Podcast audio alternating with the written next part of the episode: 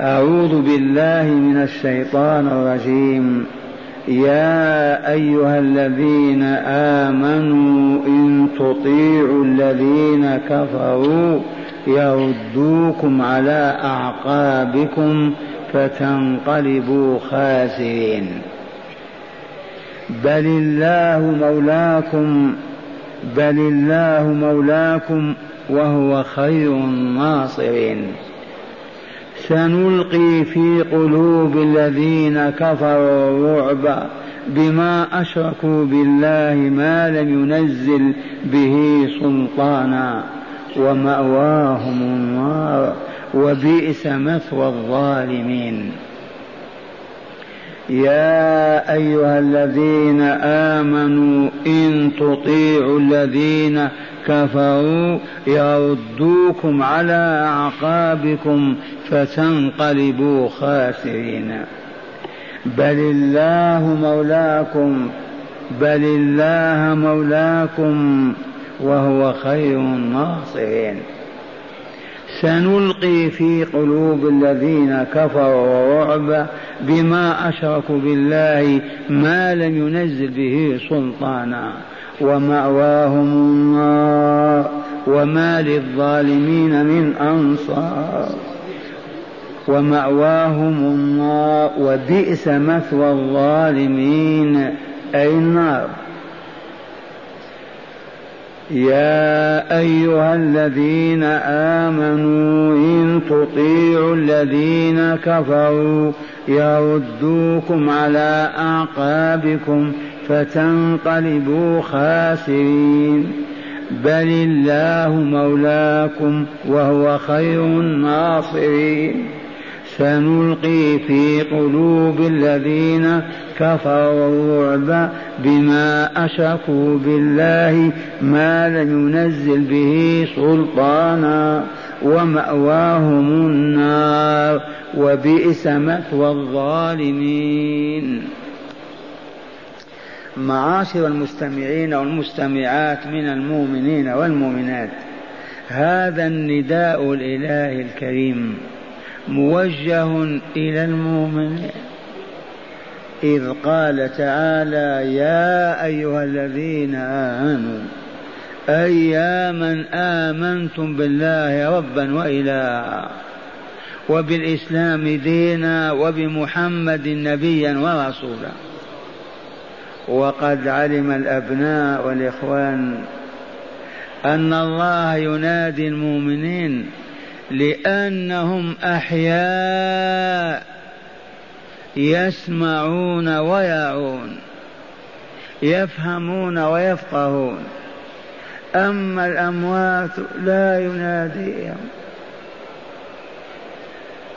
الأموات لا يناديهم لأن الله حكيم.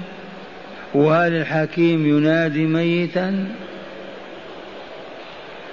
الذي ينادى حي يسمع النداء ويجيب الدعاء.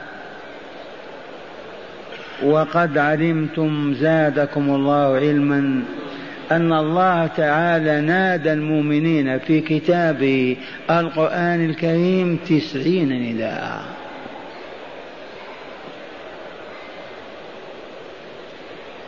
يناديهم لأي شيء. علمنا أنه لا ينادينا إلا ليأمرنا بما فيه سعادتنا وكمالنا. إن نحن عملنا به. أو ينادينا لينهانا عما فيه شقاؤنا وخسراننا. إن نحن لم نستجب. أو ينادينا ليبشرنا فتنشرح صدورنا وتطمئن قلوبنا وننطلق في ميادين الخير. نعمل.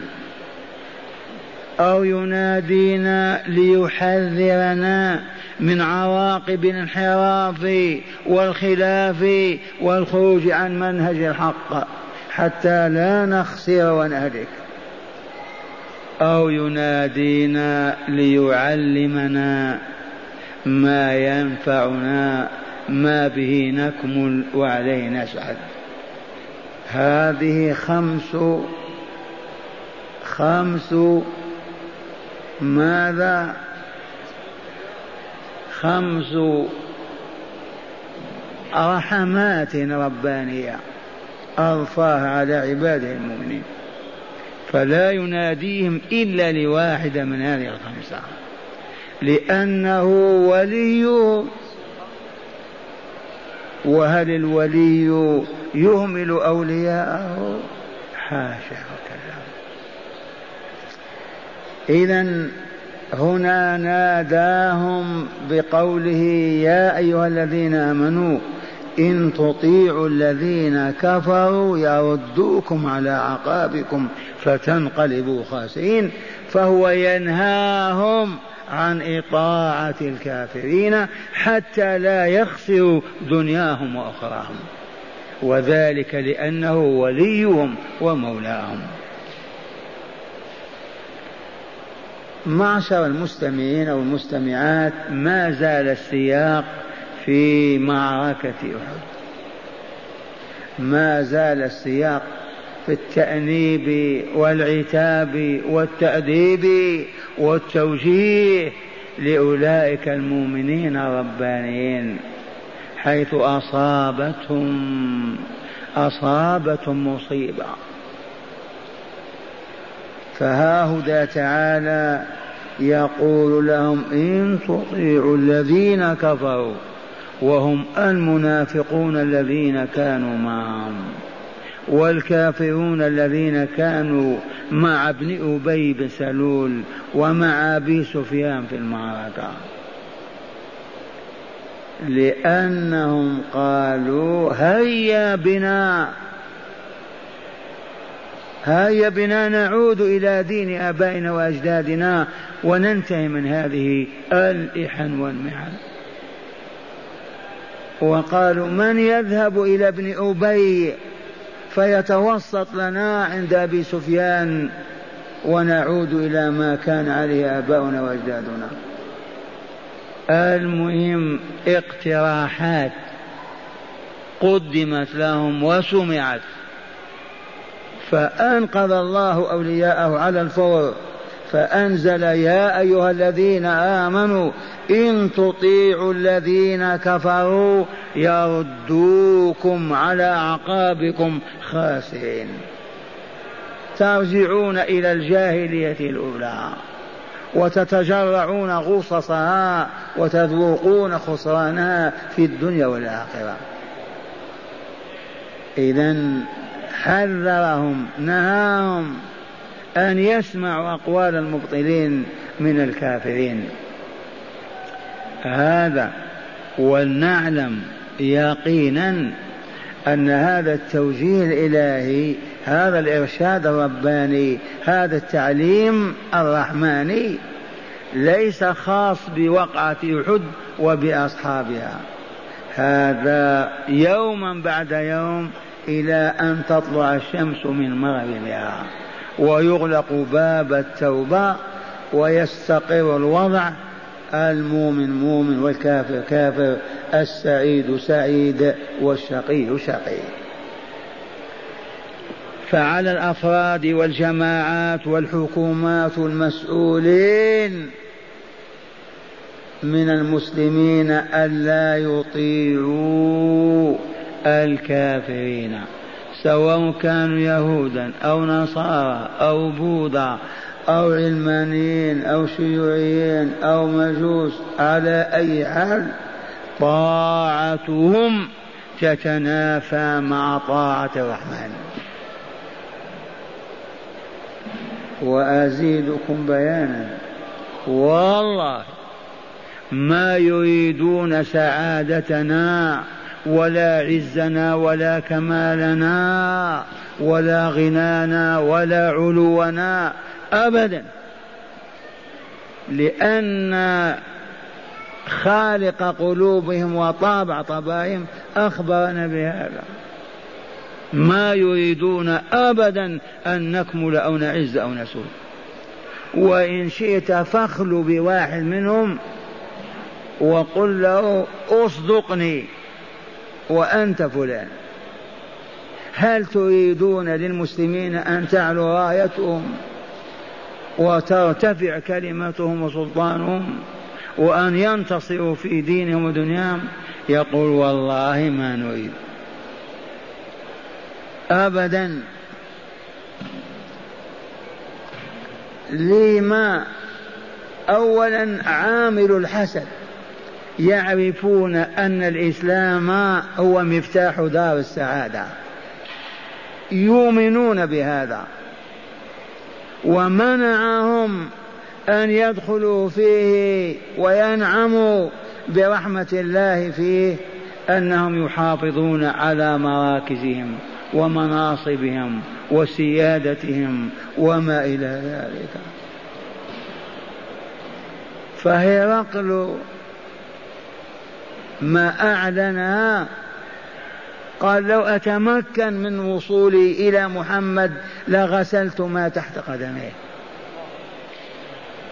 وعرف أنه هذا النبي المنتظر وأن هؤلاء هم المؤمنون أهل الجنة ومنعه أن ينزل من على سرير ملكه إذا لا أطيل إياك أن تطلب النصح أو التوجيه والإرشاد من كافر سواء كان ابن عمك أو كان أباك أو أخاك أبيض أو أسود لأن الكافر ميت. كيف تسترشد بميت؟ ثم الكافر ضد المؤمن ضدا كاملة لا ملاقاة. فكيف ينصح لك؟ وتقبل نصحه.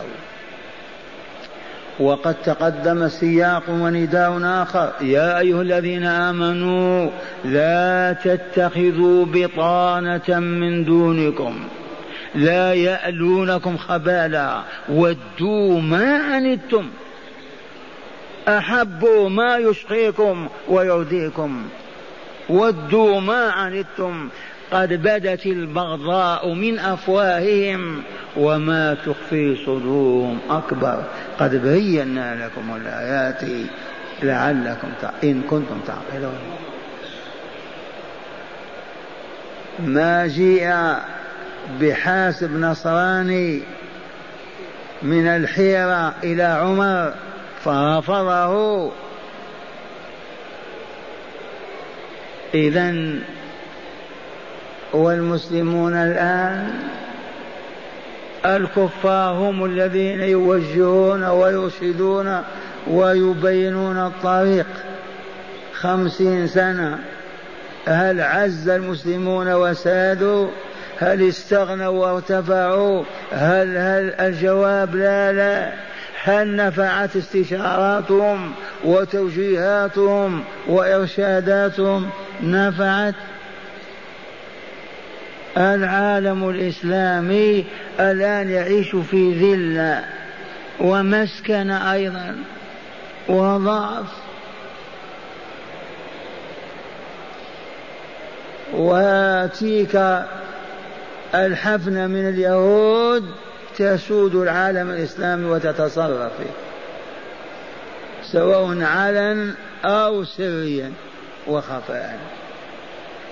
على كل حال نحن لسنا مع اليهود ولا مع النصارى في ديارنا الطاهرة. لكن إخوان الموجودون في مصر والشام وأوروبا والبلاد اللي فيها كفار ننصح لهم. ألا يستشيروا كافر. استشير امرأتك. استشير أخاك. استشير المؤمنين. أما أن تستشير الكافرين لن ينصحوا لك. أبدا. ولن يوجهوك إلا إلى ما فيه شقاؤك واستغن بالله. ومن استغنى بالله أغناه الله. هذا وهل انعدم الصلحاء وربانيون بيننا الجواب لا. يوجد بيننا ربانيون علماء صلحاء أتقياء ذو بصيرة ذو علم ومعرفة. إذا احتجنا إلى الاستشارة هم الذين نستشيرهم. وإذا وجهونا هم الذين نطيعهم. ونقبل توجيهاتهم. أما كافر يكرهني ويكره حتى وقوفي ووجودي كيف نستشيره؟ إذا هذه رحمة الله وإلا لا؟ نصحنا وإلا لا؟ يا أيها الذين آمنوا إن تطيعوا الذين كفروا. هذا أعظم من النهي. من قال لا تطيعوا. فتسأل أنت لما بين لنا الحقيقة كما هي. إن تطيعوا الذين كفروا جاحدوا ألوهية الله عز وجل ورسالة نبيه ولقاءه وهو مما أنزل من الشرع والأحكام. فلهذا قلت يهود نصارى بوذا مجوس كلهم جنس واحد كافر كافر. يردوكم على أعقابكم أي ترجعون إلى الشرك والضلال وتعودون كغيرهم كمثلهم كفارا. فتنقلب وترجع بعد هذه الرحلة الطويلة في مسار الكمال والطهر والصفاء تنتكسون وترجعون خاسرين. ما استفدتم شيئا من إيمانكم وجهادكم وصبركم القرون الطويلة أو الأيام والأعوام العديدة.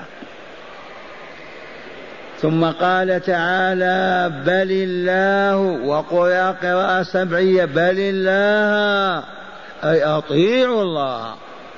بل الله هو الذي يجب أن تطيعوه لا الكفار. بل الله مولاكم. مولانا ولا لا؟ والله مولانا. خلقنا ورزقنا وحفظ علينا حياتنا وتولى كل شؤوننا وأمورنا. كيف لا يكون مولانا؟ مولانا سيدنا ونحن عبيده قال اركعوا نركع قال اسجدوا نسجد قال صوموا نصوم قال ماذا؟ اكشفوا عن رؤوسكم وهرولوا بين جبلين كشفنا وهرونا لأننا عبيد. قال لا تشربوا مسكرا والله ما نشربه قال لا تقولوا الباطل والله ما نقوله قال لا تكذبوا ولا تنطقوا بغير الحق والله ما نكذب ولا ننطق إلا, إلا بالحق. لأننا عبيده وإلا لا ومصيرنا بيده إن شاء أسعد وإن شاء أشقى. وفوق ذلك أننا نحبه ويحبنا. يحبنا ونحبه. فكيف إذا نخرج عن طاعته ونعصيه ونحب من يكرهه ويبغضه ولا يحبه؟ بل الله مولاكم وإن طلبتم النصر على المشركين والكافرين على من تحاربون ويحاربونكم هو جل جلاله وعظم سلطانه خير الناصرين. إن طلبتم النصر من فرنسا أو إيطاليا أو إسبانيا اطلبوه من الله والله خير. حق وإلا لا؟ إي والله. من خير الناصرين؟ من يملك من بيده قدرة كل ذي قدرة. إن شاء عز وإن شاء ذل إن شاء هزم وإن شاء نصر. هذا الذي ينبغي أن نطلب منه. ما نطلب النصر على أعدائنا بمعصيته. كما حصل وتم وتذوقنا مرارته وتجرعنا غصصه في حربنا مع اليهود. منذ أن دخلوا فلسطين وأعلنوا عن دولتهم ونحن في حماس وحرب بعد أخرى وما انتصرنا أبدا. أو انتصرنا. قولوا ما انتصرنا هل تذكرون سر عدم نصرنا؟ يا ربانيون يا علماء. إيه يا شيخ عرفنا أننا ما قاتلناهم من أجل أن نقيم دين الله. قاتلناهم من أجل أن نجليهم عن أرضنا عن وطننا. هذا هو القصد. وإن قلت لا يا شيخ ما هكذا؟ يقول لك الشيخ عندما قاتلتم اليهود كنتم تقيمون دين الله في دياركم؟ أحللتم ما أحل وحرمتم ما حرم وأقمتم حدوده عليكم وعلى غيركم. دعوتم إليه ورفعتم أصواتكم لا إله إلا الله لا يعبد إلا الله. الجواب لا. باستثناء هذه الدويلة وباقي الدول العربية من المغرب الأقصى إلى كذا هل كانوا يعبدون الله بما شرع ويقيمون شرعه ودينه وهم أولياؤه حتى ينصرهم؟ الجواب ما كان هذا. إذا كيف ينصرهم؟ وقد بينت البارحة إن كنتم تذكرون أن هزيمتنا أمام اليهود فيها خير كبير.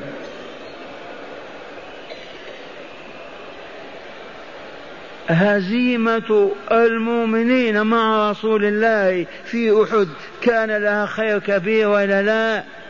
لو انتصروا مع عصيانهم لقائدهم صلى الله عليه وسلم لكانوا لا يطيعون الله والرسول ويقول نحن مسلمون النصر إلى جانبنا والله معنا ولا نبالي بالمعاصي إذا ارتكبناها ومن ثم يخسرون كل شيء. فعلمهم أنهم لما عصوا رسول الله قائد المعركة هزمهم الله وسلط عليهم المشركين. فلو أن العرب انتصروا على إسرائيل وهم على ما هم عليه. لا إقام صلاة ولا جباية زكاة ولا أمر بالمعروف ولا المنكر ولا أمر بالتوحيد ولا نهي عن الشرك. خرافات وضلالات قائمة. لو انتصروا لقالوا انتصرنا بقوتنا. ولم يبق مجال لأن يعبد الله. عرفتم؟ لو انتصر الاشتراكيون في بلاد العالم واستغنى البلاد أهل الاشتراكية وكثر خيرهم وبركاتهم وعمهم الغناء لوقع في هذا الفخ اليهودي كل المسلمين إلا من شاء الله. ولكن الله ما أغناهم. تبجحوا وتحطموا وذلوا وهانوا وافتقروا. هذا كله ثمرة ولايتنا لله. فالله ولي المؤمنين. ما يسمح لهم أن يذوبوا في الكفر وينمسخوا ويهبطوا ويصبحوا لا إيمان ولا إسلام ولا إحسان.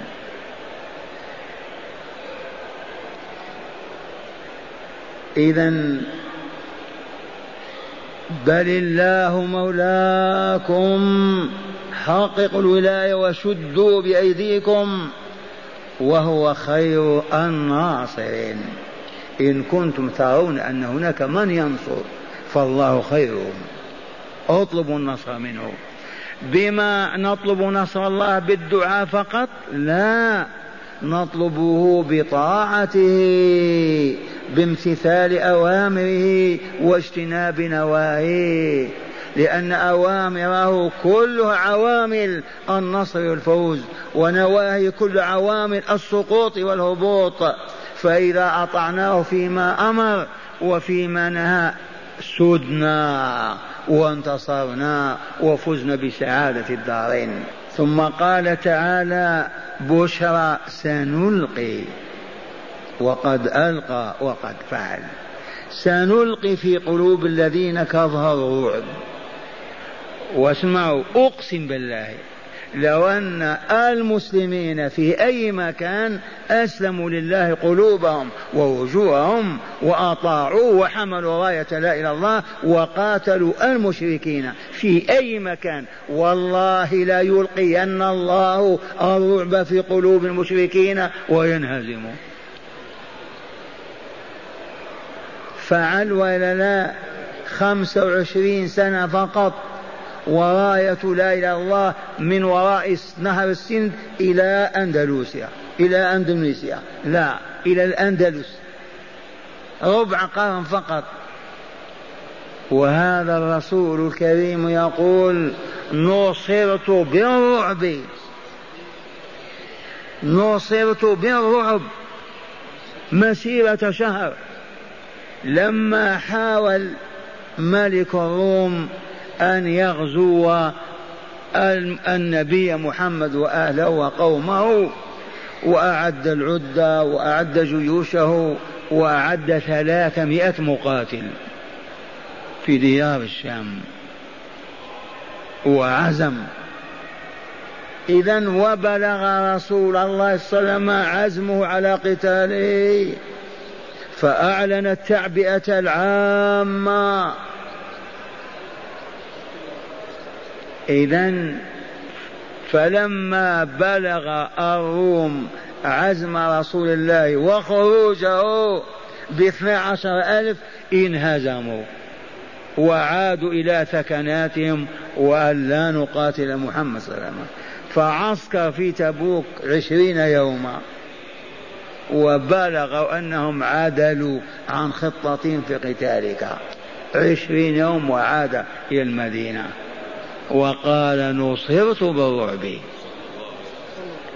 وإن قلت هذا رسول الله نقول هذا عبد الله بن رواحة هذا جعفر بن أبي طالب هذا زيد. زيد بن حارثة مولى الرسول صلى الله عليه وسلم. قادوا كم ثلاثة آلاف وخرجوا إلى ديار الشام. فاستقبلهم مئة ألف. اثنا عشر ألف يخوضون معارك مع مئتين ألف. كيف هذا؟ ما هو الواحد بعشرة ولا بمئة؟ وألقى الله تعالى الرعب في قلوب المشركين. وتولى خالد القيادة بعد استشهاد الشهداء الثلاثة الأول فالأول واستخلص ذلك العدد من تلك الأمة مئتي ألف كأنما استلهم كاستلال شعرة من العجين. من دبر هذا؟ الله جل هذا وعد الله ولينصرن الله من ينصر. إن الله قوي عزيز. بل الله مولاكم وهو خير الناصرين ومن مظاهر النصر أنه يلقي الخوف والهزيمة في قلوب المشركين فيتزعزعون ويتخلخلون ويتساقطون ويفرون. ما في معركة ولا ألف معركة. ما زال إلى الآن البارحة وجهت وإن كنت آسف لأني أقول أو اهرف بما لا أعرف. وما هناك من يقبل قولي ولا يرضاه وقلت والله لو أن إخواننا الفلسطينيين تجمعوا في طرف المملكة أو في طرف سوريا أو مصر أو في أي مكان من بلاد العرب وبايعوا إماما ربانيا. عرف الله معرفة يقينية فأضفت عليه حبه وخشيته. وبايعوه أنت إمامنا. ورباهم سنة سنتين. ثلاث سنوات. وهم ينمون بأبدانهم وأرواحهم وعقولهم أصبحوا أولياء الله. إذا سألوا الله أن يزيل الجبال يزيلها. تجلت ولاية الله فيهم. الصدق الطهر الصفاء الخشوع الإنابة التقوى. ثم قادهم. بسم الله لأن يعبد الله وحده في أرض القدس والطهر وقال الله أكبر. والله لنصرهم الله وفر اليهود هاربين.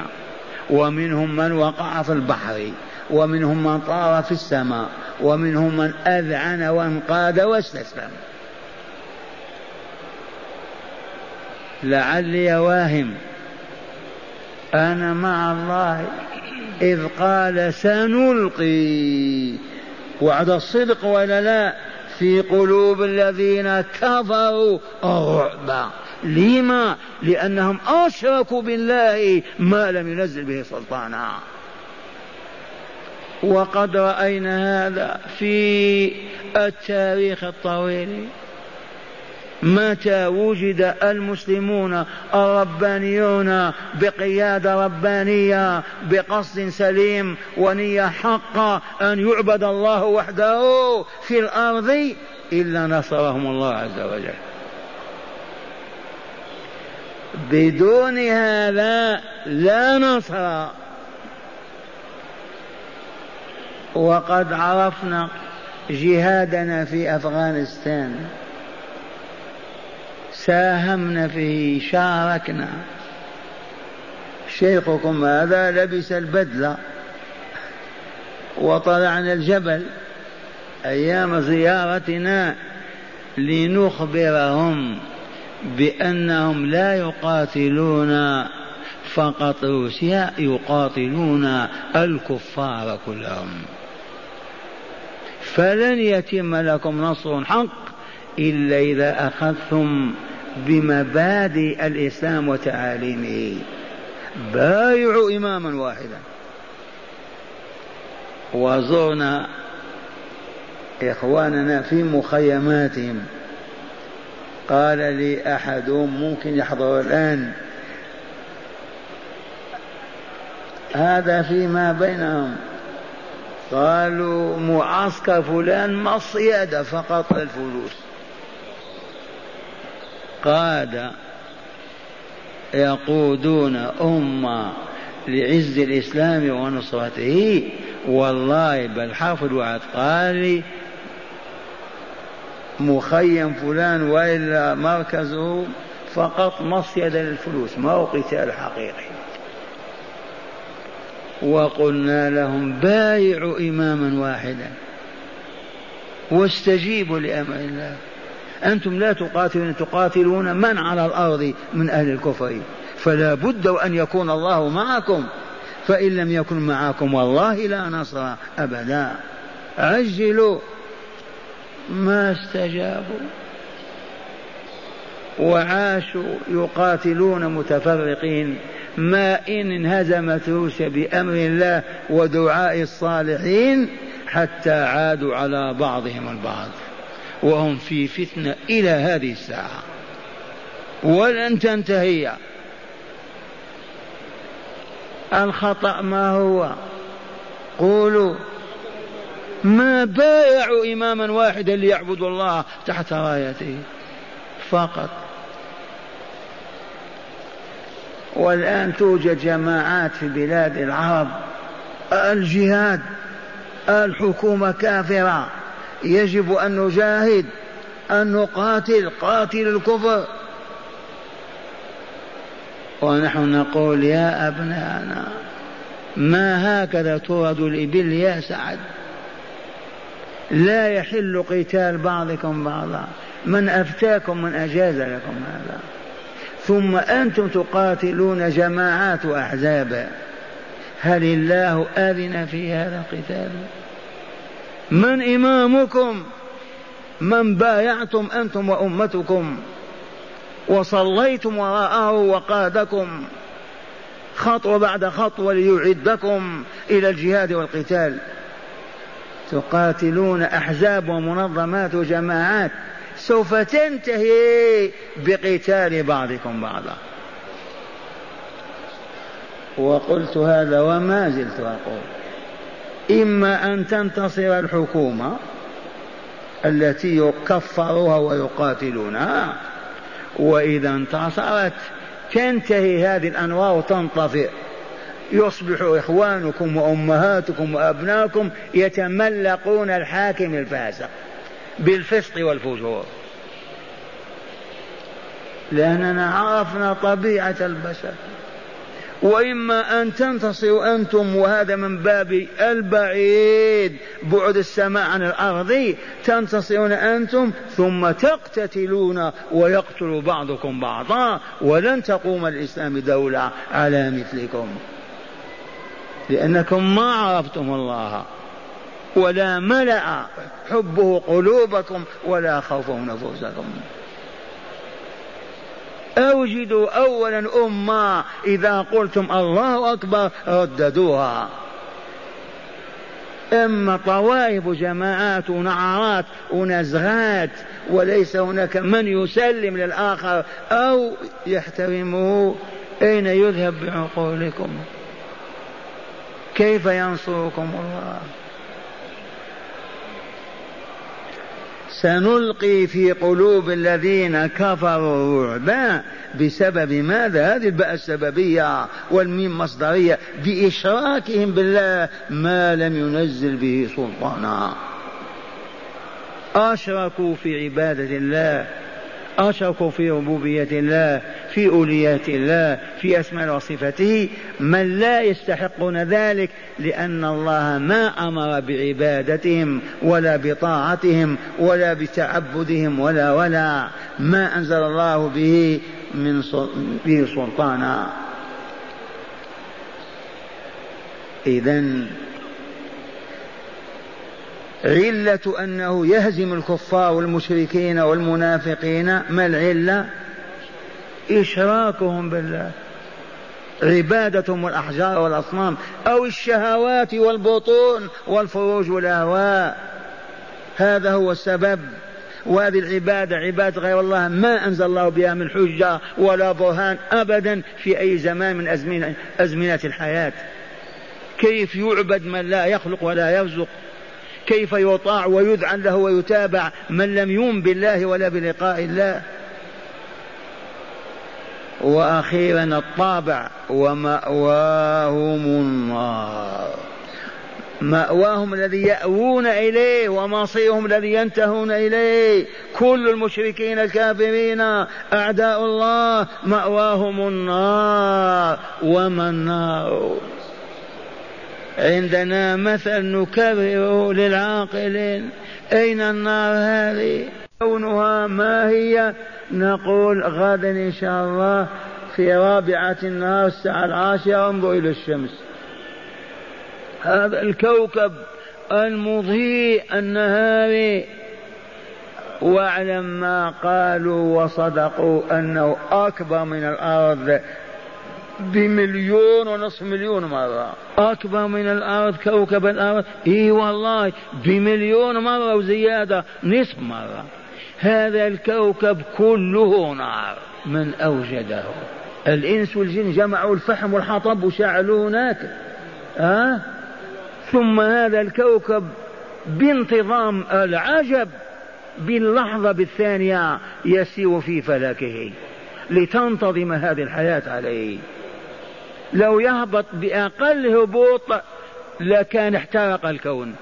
لو ارتفع بأكثر ارتفاع لمات الناس بالبرد والجليد. ألف سنة كم سنة ما ندري وهو في دائرته. هذا عالم النار فوقنا. فكيف تسأل عن عالم النار؟ وسوف يأتي يوم هذه الكائنات الموجودات العلوية والتي نشاهدها كلها تصبح سديما وبخارا. وعالم السعادة فوق وعالم الشقاء أسفل. النار أسفل. أسفل النار. ما عرفت يا عبد الله قلت لك ضع رأسك بين ركبتيك وفكر. وأنت تقول أنا هابط هابط هابط.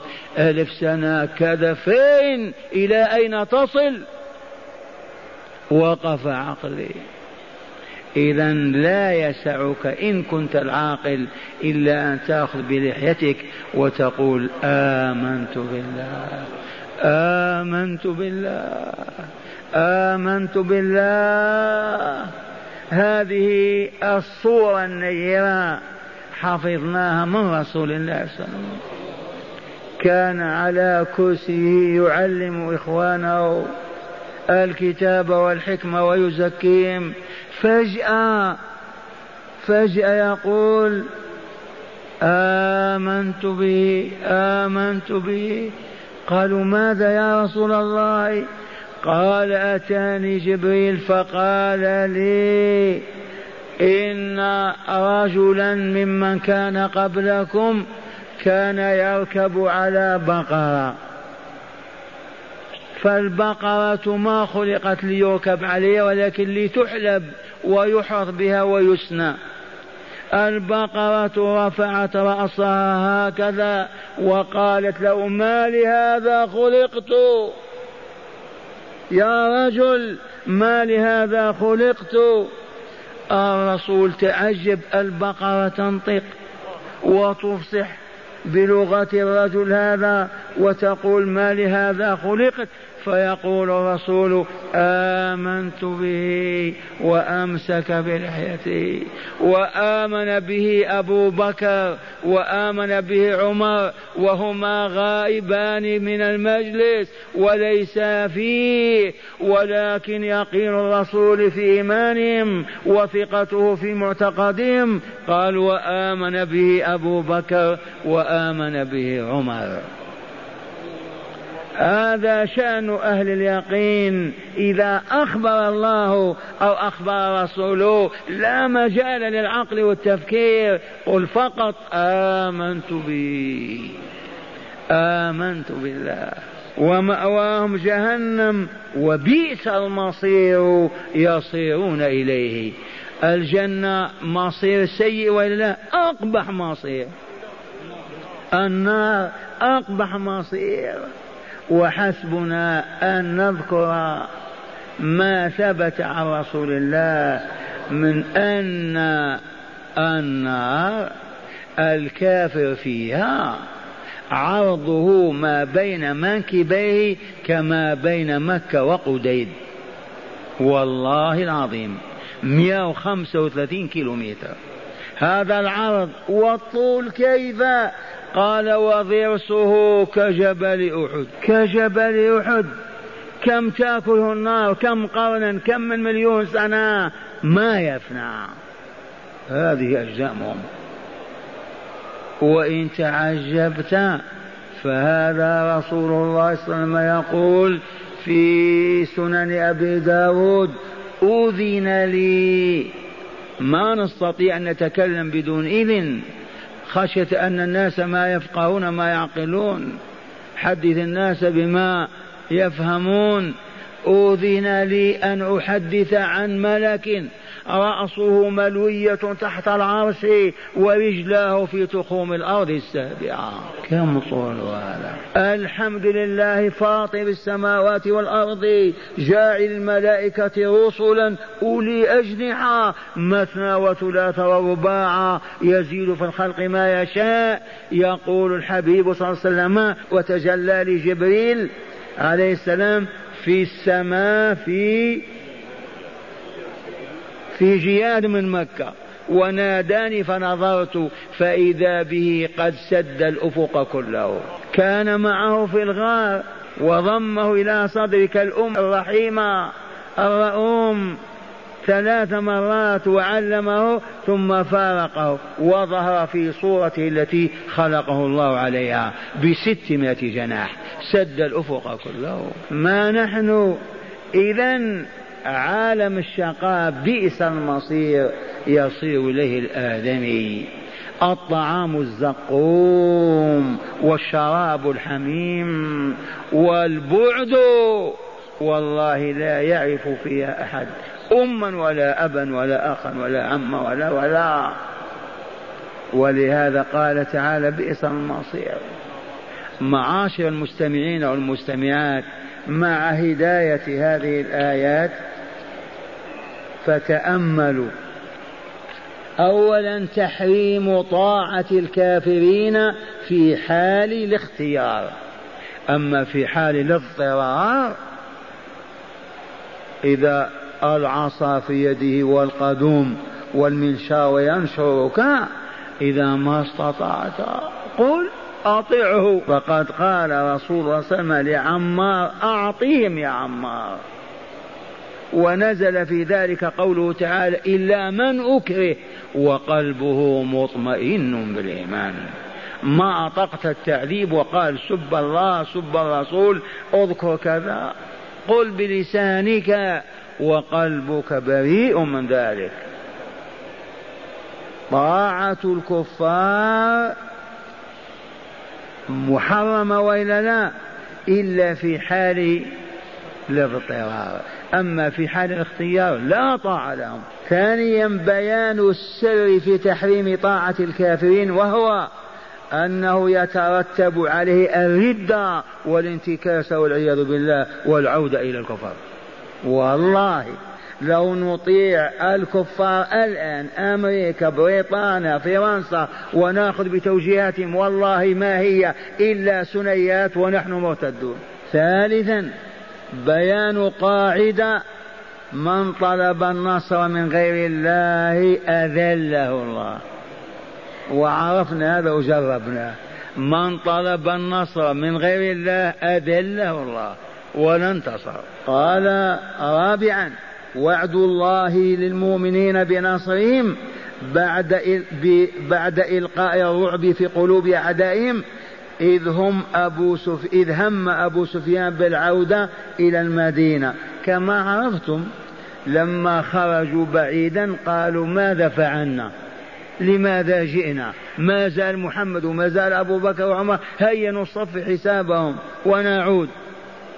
ولكن الله جاء بمعبد. عرفتم؟ فألقى الله الرعب في قلب أبي سفيان وجيشه وقال هيا إلى مكة. سنلقي في قلوب الذين كفروا وقد فعل. قال وعد الله تعالى بنصرهم بعد إلقاء الرعب في قلوب أعدائهم إذ هم أبو سفيان بالعودة إلى المدينة بعد انصرافه من أحد ليقضي عمن بقي في المدينة من الرجال كذا سولت له نفسه ثم ألقى الله تعالى في قلبه الرعب فعدل عن الموضوع بتدبير الله تعالى وذهب إلى مكة. خامسا بطلان كل دعوة. ما لم يكن لأصحابها حجة وهي المعبر عنها بالسلطان. كل دعوة سياسية دينية دنيوية لا تقوم لها حجة وسلطان لا قيمة لها. الدعاوى باطلة إلا إذا قامت على البراهين الساطعة. هذا مأخوذ من قوله تعالى بما أشركوا بالله ما لم ينزل به سلطانا. بطلان كل دعوة ما لم يكن لأصحابها حجة وهي المعبر عنها بالسلطان في الآية إذ بالحجة يثبت بها الحق ويناله صاحبه. هذا والله تعالى أسأل